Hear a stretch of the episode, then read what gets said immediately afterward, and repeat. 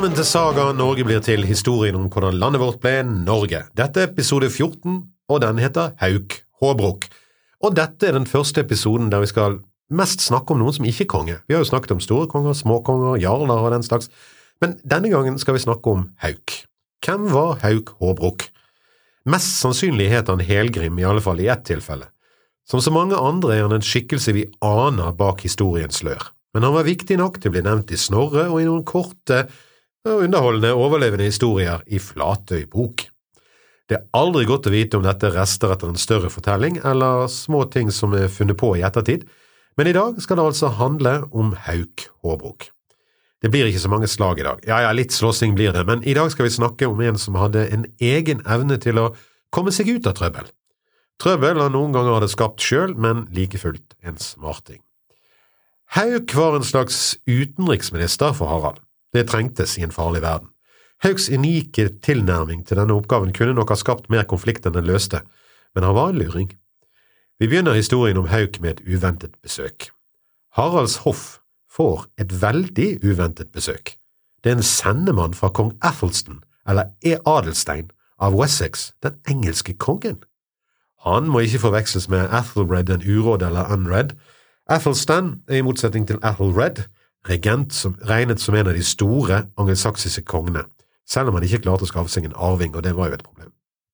Men nå banker altså hans sendemann på døren hos Harald.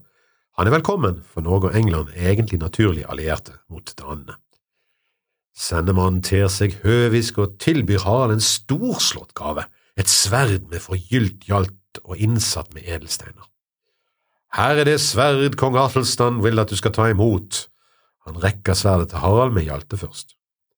Alle gjør store øyne mot det vakre og forseggjorte sverdet. Harald er glad for den kostelige gaven og rekker straks ut hendene og tar imot. Han ser ikke sendemannens blikk, som vendes fra spent forventning til åpenbar triumf. Nå tok du slik kongen ville, da er du kong Athelstans mann, siden du tok hans sverd. Med andre ord, fordi Harald tok ved kong Athelstans sverd, var det hans aksept av kong Athelstan som hans overkonge, han var nå kong Athelstans vasall. I praksis der og det betydde det lite, og det er tvilsomt om det noen gang ville gjøre det, siden det så åpenbart var lureri, men rent ære- og symbolmessig betyr det noe, og det er viktig. Den gang mer enn nå. Harald blir rasende, den første innskytelsen er å hugge hodet av sendemannen med det sverdet han nettopp har fått. Han skal ikke være noens vasall, men nå har, kong, nå har kong Harald lært at det kan være lurt å tøyle raseriet sitt først, så han rådfører seg med sine menn og kommer til at det er best å la sendemannen reise uskadd hjem. Kanskje snur han seg nå til sin utenriksministeraktige rådgiver Hauk Håbrok og spør hva han vil gjøre med dette. Hauk, denne vikingtidens svar på Egon Olsen og Jonas Gahr Støre, har allerede en genial plan. Alt er tima og tilrettelagt. Men først må vi ta et skritt tilbake og vite litt mer om denne Hauk. Håbrok var jo et uvanlig navn. Det betyr noe slikt som storslått kappe eller storslått klesdrakt. Her følger historien om hvordan han fikk det navnet. Kong Harald hadde nå vunnet slaget ved Hafrsfjord, det var fredelig i landet. Han ville ha litt luksus og staselige ting som passet seg en slik status som han nå hadde, superkonge, overkonge. Derfor kalte han til seg Hauk. Og han sier til Hauk, nå er vi fri fra all hærferd og ufred innenlands, vi kan sitte i det gode liv og hygge oss, så nå vil jeg sende deg til rikene i øst denne sommeren for å kjøpe noen kostbarheter og ting som vi sjelden ser i vårt land. Han sendte altså Hauk på shopping i Russland eller Garderike. Hauk dro av gårde med skip og mannskap og penger. Han kom til Holmgard, dagens Novgorod. Dette er et lite stykke for å dra på shopping på 900-tallet, men av gårde Kåre eller Hauk. Vel framme i Holmgard kommer han forbi en gardsk, eller russisk, vel mer svensk egentlig, en kjøpmann. Denne kjøpmannen hadde en umåtelig flott kappe til salgs. Den er sydd med gylne tråder og svært forseggjort. Dette må passe for en konge, tenker Hauk. Hauk vil ha denne jakken og blir enig med mannen om en pris, og betaler depositum for den, før han går til leiren sin og henter resten av pengene.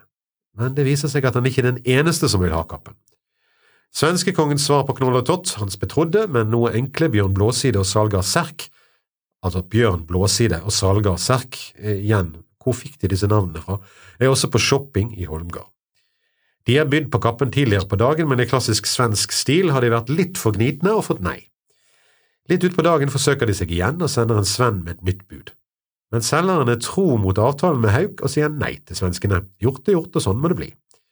Hauk kommer og betaler resten av prisen, men da han går ut av butikken, blir han møtt av Bjørn og salger. Hvorfor har ni kappen vi har kjøpt? Dere har kjøpt og betalt den, den er min. Nei, det er kong Eirik sin kappe, det er han som er overkonge over Norden. Den Eirik som tapte slagene mot Harald? Neppe. Det er ukjent for kong Harald at han skulle gi fra seg noe til Sveaknugen. Svenskene vil ikke gi seg, og krangelen eskalerer, som vanlig. Salgar blir kanskje litt revet med. Ja, skal det være på det viset, da skal vi kjempe. Da skal vi ha kamp om hvem som skal ha kappen, og hvem som skal kalles den fremste kongen i Norden. Hauk gremmes.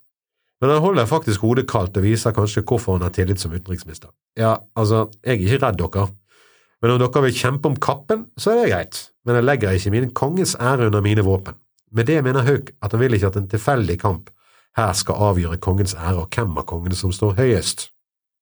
Dette er et svært fornuftig svar. En kamp om kongens ære kunne fort lede til krig mellom kongene, eller at den tapende part mistet hodet, bokstavelig talt, når han kom hjem fra kampen. Alle skjønner dette uten at unntatt de to svenske Knoll og Tott. Folk rundt er ganske oppgitt, egentlig. Der kommer til og med en mann bort og tilbyr Hauk et ekstra skarpt og godt sverd. Dette er ingen tvekamp. Her samles det folk på begge sider, og det er Hauk som drar til seg mest folk. De lokale liker ikke svenskenes handelsskikk. Det blir rett og slett et lite slag i Holmgard om kappen, og Hauk vinner.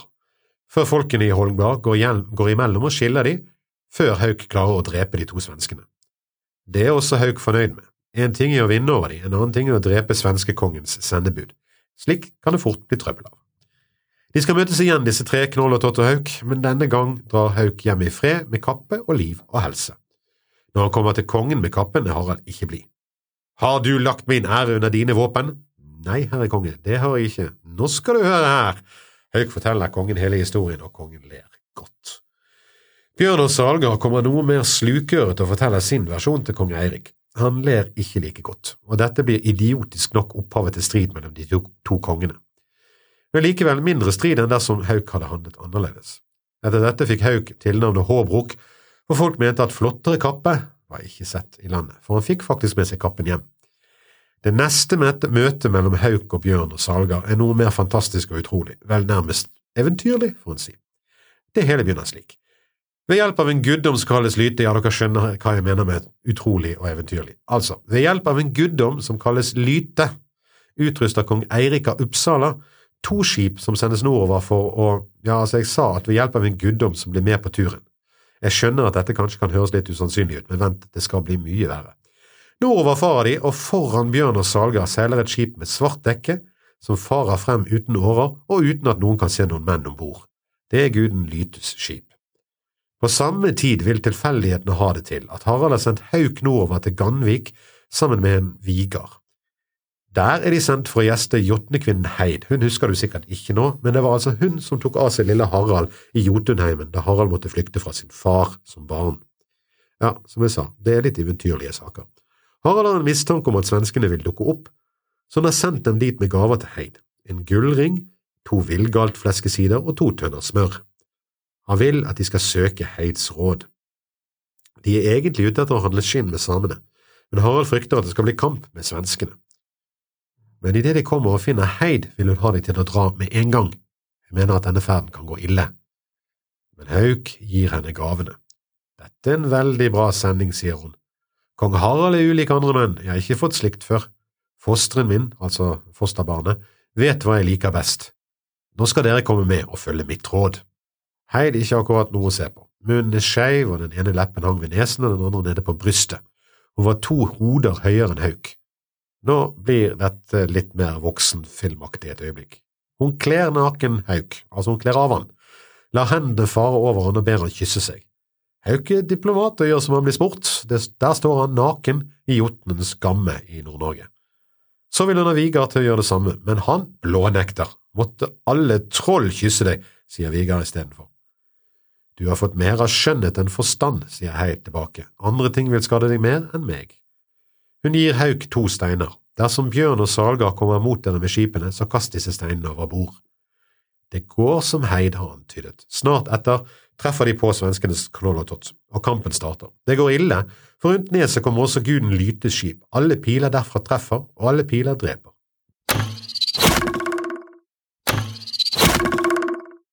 I kampens hete har Hauk helt glemt de to steinene og hva de vel kan gjøre. Hauk klarer å drepe Bjørn til tross for gudehjelpen, men Salgard dreper Vigar. Heid har rett igjen.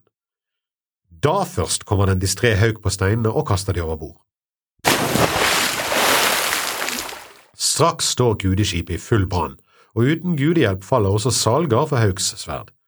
Men Hauk mister et øye i kampen, og ingen av mennene hans er uskadd. De flykter tilbake til Heid, og den magiske og vennlige jotten helbreder Hauk og får ham på et skip som skal seile sørover. Kong Harald er glad og lettet for å få ham tilbake. Bjørn og Salger er borte, men Lyte kommer tilbake til Eirik og sier at nå kommer han aldri til å hjelpe han mer, etter så mye skade og trøbbel som ble påført av det svære trollet oppe i Norge. Vel, vel. Sånn går nå dagene. Fra eventyr til noe som kanskje er det best dokumenterte av Hauk Håbruks liv, og det som gjør at han hører hjemme i denne historien. Vi skal tilbake til dette sverdet som kong Harald fikk av den engelske kongen. Hauk har en plan, og den er helmaks, men farlig. Sommeren etter sverdhistorien seiler Hauk av gårde, under dekke av å gi Athelstan et skip i gave. Om bord er også kongens yngste sønn Håkon, sønn av Harald og Tora Mostastom. Det er flere gode grunner til dette. En av de er opplæring, en annen at halvbrødrene til Håkon etter hvert begynner å utrydde hverandre, det vil si hovedsakelig er det Eirik som utrydder, og andre som utryddes, men nok om det. Den unge gutten er sentral i Haugs plan. Det er mulig at han har sett noe i denne ynglingen som ingen andre har sett, eller så er det bare et lykketreff. Den yngste og minst verdifulle kongssønn brukes som brikke. Det skal vise seg å være et genialt trekk. Hauk finner kongen etter sagaen i London, men mest sannsynlig lenger nord, om vi leser de britiske analene. Her kalles Hauk Helgrim, og kanskje het han det, eller så tok de bare feil. Kong Athelstan holder veitsle. Inn i Gildehallen kommer, i Gildehallen kommer 30 norske vikinger med en liten gutt foran seg. Hauk vet at dette er terningkast med høy risiko. Derfor har han nøye forberedt sine menn og fortalt dem hvordan de skal skjule våpnene, hvordan de skal stå og hvordan de skal komme seg raskest mulig ut. Vel inne for flokken fortrede for kongen. Hauk er i spiss, med Håkon ved sin side, og kongen hilser han. Resolutt setter Hauk Håkon på Atlestans kne som om det var julenissen de hadde fortrede for. Hvorfor gjør du det? spør kongen. Kong Harald vil at du skal fostre opp denne tjenestegutten. Vi husker at Håkon faktisk er sønn av en tjenestejente hos Harald. Det er det frekkeste engelske kongen har hørt på lenge, og han tar fram sverdet. Skal veslegutten miste livet? Hauk bryter inn. Knesatt ham har du. Dette betyr i norrøn tradisjon det samme som å akseptere ham som sin sønn. Du kan myrde ham om du vil, men ikke vil du dermed øde alle kong Haralds sønner. Dette er en utilslørt trussel. Drep gutten om du vil, men da må hans brødre ta hevn, og de er mange og de er sterke. Slik historien går, vegrer Atlestan seg for det å la Håkon leve. Deretter blir Håkon kjent som Håkon Adelsteinsfostre. Harald er storfornøyd. Balansen er gjenopprettet etter det lille pusset ble spilt året før med sverdet. Men var det virkelig sånn det skjedde? Mest sannsynlig ikke.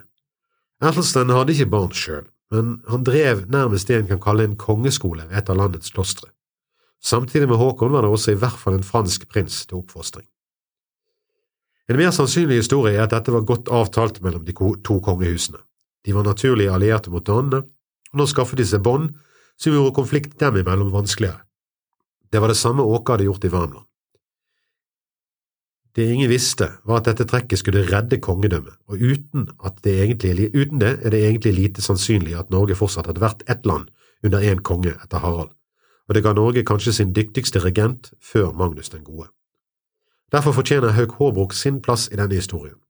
Han reiser nå hjem til en fornøyd konge, og vi hører ikke noe mer om han. Det tyder på at han fikk et langt og godt liv.